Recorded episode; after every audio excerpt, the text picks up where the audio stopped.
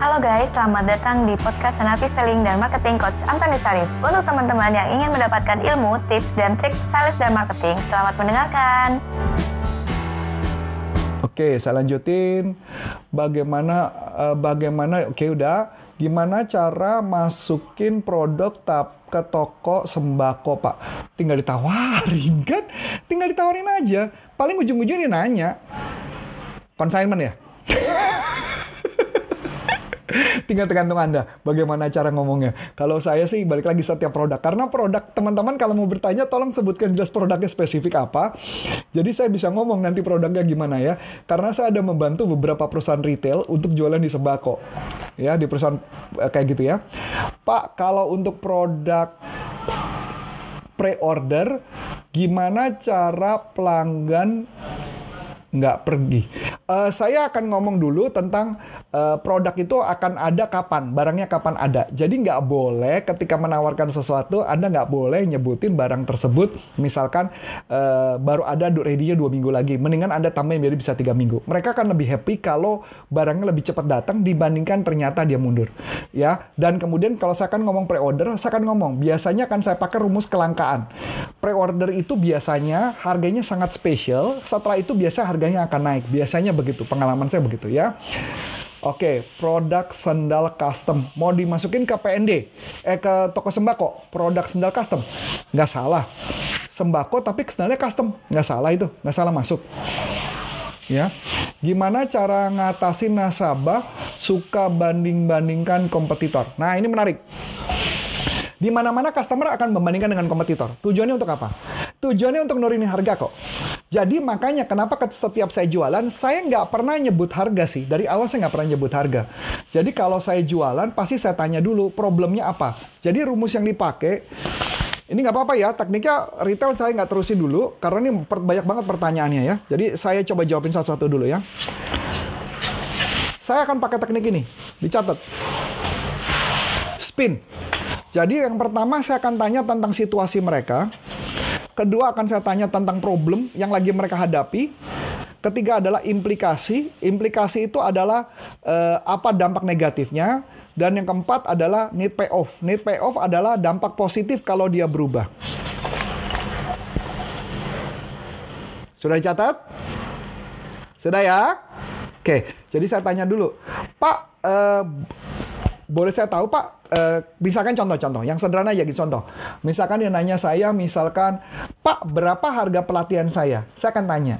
Kalau saya boleh tahu Pak, ini khususnya pelatihan yang mahal ya, kalau pelatihan murah saya kasih tahu langsung harga. Uh, boleh saya tahu Pak, problem apa yang lagi Bapak hadapi? Oh ya, saya lagi, eh, eh, uh, nggak, pertama saya tanya situasi dulu. Pak, selama ini uh, Bapak uh, bekerja di mana? Oh, saya jualan produk ini gini gini gini. Oh, gitu. Nah, selama ini Pak, apa yang Bapak lakukan untuk mengatasi masalah Bapak? Oh, yang saya lakukan ini, ini, dan ini. Hasilnya gimana, Pak? Wah, hasilnya kurang bagus. Pak, sudah berapa lama problem ini terjadi? Saya perbesar masalahnya. Oh, saya sudah punya problem ini hampir lima tahun ini. Oke, dampaknya apa, Pak? Kalau problem ini terus terjadi. Nah, kemudian setelah dia bilang dampak, baru dia ngomong dampaknya apa. Kemudian saya tanya, kuntung benefitnya apa, Pak, kalau ini bisa diselesaikan? Dia kasih tahu benefitnya. Baru saya presentasi. Nah, tadi kan Bapak mengatakan problem Bapak ini dan dampaknya ini, Pak. Nah, kebetulan kami punya caranya untuk membuat itu berhasil. Oke, okay? dan biasanya mereka akan bilang oke. Okay. Nah, ketika itu ketika kita kasih tahu harga, mereka bilang mahal sekali ya Pak. Betul. Dan jauh lebih mahal mana Bapak dibandingkan ketika Bapak sudah mencoba cara ini dan tidak berhasil. Tapi kok di sana harganya murah? Betul Pak, harga di sana murah. Tapi saya tidak tahu apa yang mereka lakukan, tetapi kami pastikan supaya Bapak bisa mencapai apa yang Bapak inginkan. Itu gambarannya. Jadi ini konsep cara jualannya. Sampai sini oke? Okay? Dapat ya? Lanjut lagi. Wah ini udah banyak banget nih. Mohon maaf kalau saya ini saya bacanya agak susah nih karena ada lighting di belakang dan sebagainya. Gimana cara ngatasin? Oh udah ya. Ini udah. Bagaimana cara menjual properti atau apartemen di masa pandemi ini? Yang lebih memilih simpan uang cash. Uh, saya jawab uh, saya menemukan nggak begitu sih. Jadi gini, mereka sekarang banyak kan orang tidak nyimpen cash sekarang. Orang lebih banyak main investasi saham sekarang. Ini yang saya kasih gambarannya. Per hari ini semua orang lagi main banyaknya main di saham. Saham lagi bagus-bagusnya. Saham lagi booming-boomingnya. Jadi saya tidak akan menyatakan bahwa mereka akan simpan uang cash.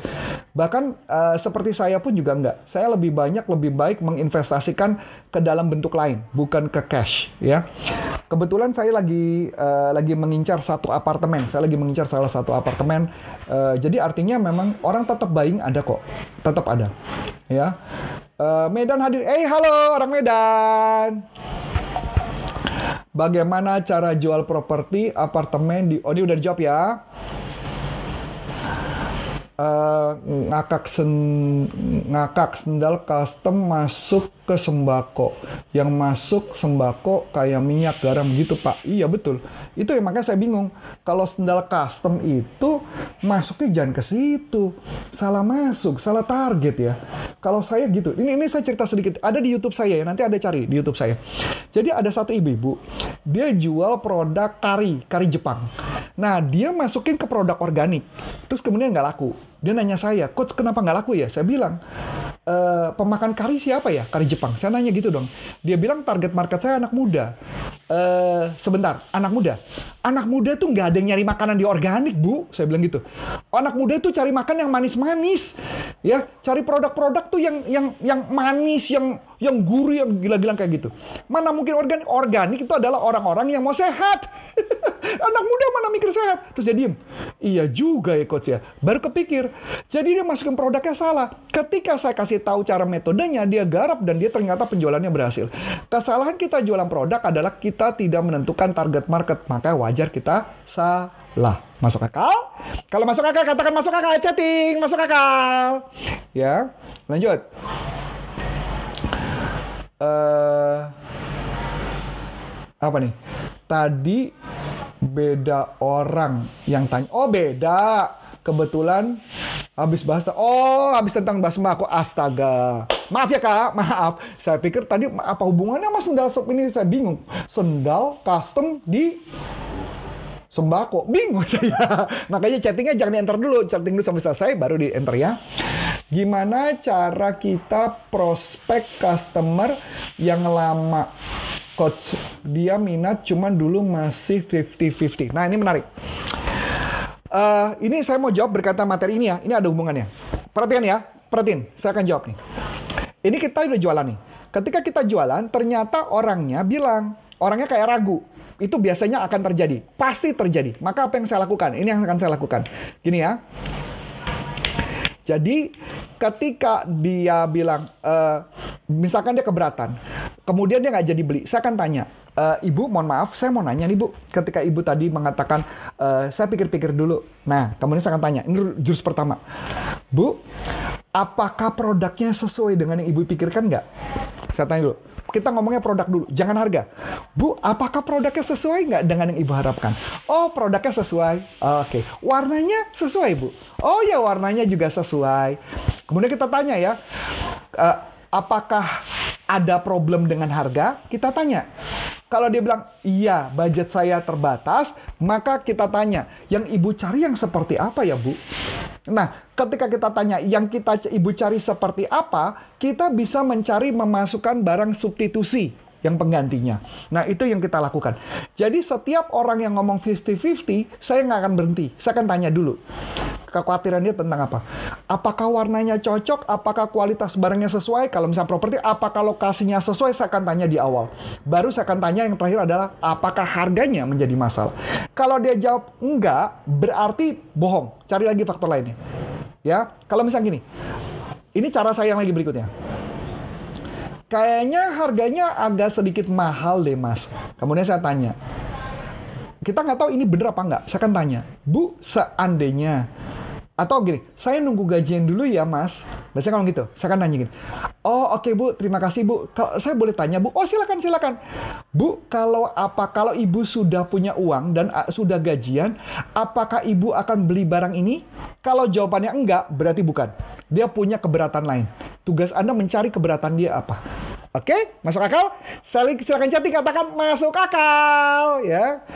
Kita lanjut lagi. Gimana cara prospek Oh ya, udah ya. Saya mau jual rumah tapi kondisi kurang terawat karena no budget. Apakah harus Iya betul. Kalau kondisi sekarang sepertinya betul, gitu nggak ada rumus, nggak ada rumus. Memang mau nggak mau turunkan harga, nggak ada rumus, ya. Kecuali kita mau rawat, nggak ada. Atau gini, ada satu cara, ada satu cara. Anda bilang gini, e, Bu, Anda suka lokasinya? Oh suka, suka sekali. Gini Bu, kalau misalkan Ibu beli rumah ini, nanti saya akan berikan bonus. Anda kasih tahu, saya akan berikan bonus apa misalnya bonusnya? Saya akan berikan bonus ngecat dan sebagainya. Karena gini, saya punya rumah yang nggak ada dapur. Itu juga sama. Jadi saya cara jualnya adalah saya cuma ngomong nanya, Bu, Uh, saya nggak mau beli, uh, saya nggak mau bikin dapurnya. Saya cuma nanya, Bu, kalau ibu tertarik, saya akan berikan anda bonus dapur senilai berapa puluh juta. Jadi saya nggak perlu keluar duit. Jadi kalau begitu suka, dia oke, okay, saya kasih keluarin duit. Dia happy. Apalagi saya ngomong, Uh, dan menarik ya Bu, kalau Ibu pengen dapurnya lebih keren lagi, Ibu tinggal tambah aja uangnya. Dan kebetulan saya punya tukang yang bisa nanti kenalan sama Ibu untuk dapurnya. Itu gampang banget, ya. Itu cara yang bisa dipakai untuk strateginya. Oke, okay. uh, eh, cara mempengaruhi segmen atas untuk membeli properti. Iya, sama. Jadi kalau segmen kalau saya gini nanyanya, uh, saya akan tanya kalau segmen atas biasanya beli properti untuk apa? Untuk tempat tinggal atau investasi? Saya kalau mama investasi, saya akan tanya kayak gini. Pak, uh, boleh saya tanya Pak, Bapak selama, sekarang ini investasi di mana ya Pak? Nah, ketika dia bilang saya investasi di mana di mana, kemudian kita tanya, kenapa Pak kalau saya boleh tahu Bapak investasi di sana? Dia sebutin investasinya apa. Nah, tugas Anda adalah membalikan investasinya ke properti. Itu yang bisa Anda lakukan. Oke, okay? jadi balikin gitu ya.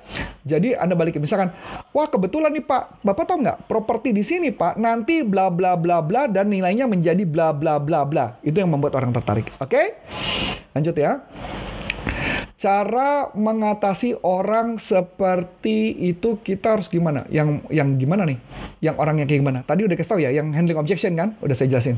Coach izin live ya, nggak apa-apa. Sukses ya. Semoga yang uh, sudah balik, semoga makin makin sukses ya. Kita punya waktu tinggal 4 menit lagi. Jadi punya waktu 4 menit lagi. Oke? Okay? Jadi balik lagi teman-teman. Ini kata penting. Jadi ketika berikutnya saya mau bahas, ini yang materi yang mungkin hari ini akan saya sharingkan terakhir adalah khususnya adalah buying signal. Jadi ketika Anda jualan, Anda sudah presentasi. Orang yang sudah nawar. Oke, okay? Anda mau closing. Gimana cara Anda tahu bahwa Anda mau closingin? Gampang. Anda lihat. Kalau orang itu, misalkan dia ngelihat dia dia diem, melihat ke bawah, itu tanda-tanda buying signal. Kedua, atau dia bertanya harga berulang-ulang atau tanya cara pembayaran. Itu adalah buying signal. Orang yang sudah siap untuk beli. Yang ketiga, dia mengetuk-getuk meja. Kayak berpikir, itu tanda-tanda buying signal. Atau dia bawa anak kecil, langsung ngomong sama pasangan, e, Mama, tolong dong suruh diem dulu. Itu tanda-tanda buying signal. Atau dia bilang, e, Mas, mau nambah minum? Anda harus jawab, iya, nambah minum. Itu tanda-tanda buying signal. Jangan Anda ngomong gini, e, enggak Pak, saya sudah minum Pak. Jangan, itu dia mau ngobrol lebih panjang sama Anda. Itu buying signal. Atau dia pakai cincin diputar-putar, ini buying signal. Atau dia mendadak keluarin rokok, kalau dia ngerokok, dia ngerokok, ini tanda-tanda buying signal. Dia sudah mikir mau beli. Tugas Anda kalau sudah melihat ciri-ciri seperti itu, maka Anda closingkan langsung. Langsung closingkan. Langsung Anda ngomong. Oke Pak, Bapak mau yang merah atau biru? Langsung closingkan. Bapak mau bayar cash atau kartu kredit? Langsung closingkan. Bapak mau dua atau tiga? Langsung closingkan. Jangan lagi Anda presentasi lagi. Kebanyakan orang dia malah presentasi. Ya, barang ini adanya kapan? Gitu ya. Oh, adanya ini, uh, adanya nanti uh, baru masih ada dua minggu lagi gitu ya barangnya. Nah, ketika dua minggu lagi, dia mikir dua minggu lagi. Gimana Bu? Langsung saya bikinin langsung ambil. Boleh saya pinjam KTP-nya? Kalau dia kasih pinjam KTP berarti sudah closing. Jadi itu ciri-ciri buying signal. Closing kan, jangan di pending-pending teman-teman. Kalau di pending nanti sayang, jadi nggak jadi closing. Clear teman-teman? Jadi kalau cara jualan, Anda amati dulu buying signal. Kalau yang merasa bermanfaat tentang buying signal, katakan bermanfaat. Chatting, chatting, chatting, chatting, katakan bermanfaat. Chatting, chatting, chatting, katakan bermanfaat. Ya, Nah, teman-teman, itu mungkin topik hari ini yang saya mau sharingkan kepada Anda ya. Saya mau yang hari ini topiknya saya sharingkan hari ini. Besok kita lanjut lagi topiknya. Saya besok akan melanjutkan topik tentang uh, hypnotic selling ya. Kita ngebahas hypnotic selling mau? Mau. Mau. Saya bahas hypnotic selling. Besok jam 11 sampai jam 12 eh jam 12 sampai jam 1. Saya ulang lagi. Jam 12 sampai jam 1 saya akan sharingkan tentang hypnotic selling. Siap? Siap? Jadi panteng TikToknya jam 12 sampai jam 1 saya akan bahas hypno selling. Sukses buat Anda dan sampai jumpa dan semoga teman-teman yang nonton semoga rezekinya berlimpah dan seluruh impiannya terkabul. Amin. Sampai jumpa. Bye bye. Ingat ya besok jam 12 sampai jam 1 hypno selling. Bye bye. Nah, untuk teman-teman yang sudah menerangkan, terima kasih ya dan nantikan podcast selanjutnya.